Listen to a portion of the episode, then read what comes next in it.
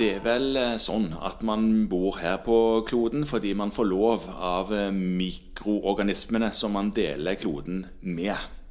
Men noen ganger får man ikke lov å bo lenger her på kloden, og da dør man av infeksjoner. Ja, man kan dø av infeksjoner. Ja, ja. Ja. Og hvor mange var det som døde av infeksjon? Nå må vi jo bare spesifisere at eh, infeksjoner det er jo egentlig blodforgiftning som vi har snakket om. Og andre infeksjoner som vi òg skal ha- snakke om for seg. Dette tallet på denne listen er litt vanskelig, men det det er nok en sånn sekk med det som ikke er klassifisert annet sted. Ja. Det er det som er avmerket som en infeksjon, som ikke f.eks. en lungebetennelse eller en blodforgiftning.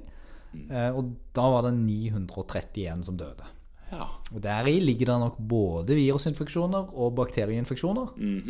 Kanskje til- til og med en sopp. Kanskje en sopp, ja. Ja.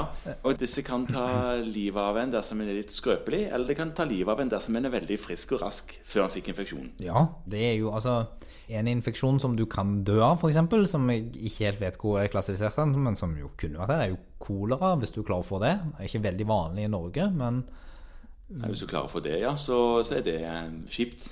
det kan man dø av. Absolutt. Det er en masse infeksjonssykdommer, og det er kanskje en sånn påminnelse om at selv om vi lever i et samfunn i Norge i dag, der alle andre infeksjoner enn covid-19 er ganske under god kontroll, Ja, og eh, ja. Mm. så er det sånn at hvis vi f.eks. får en uhemma antibiotikaresistent pga. litt sånn ukritisk bruk av det, ja. så er disse her eh, infeksjonene ganske til stede rundt oss.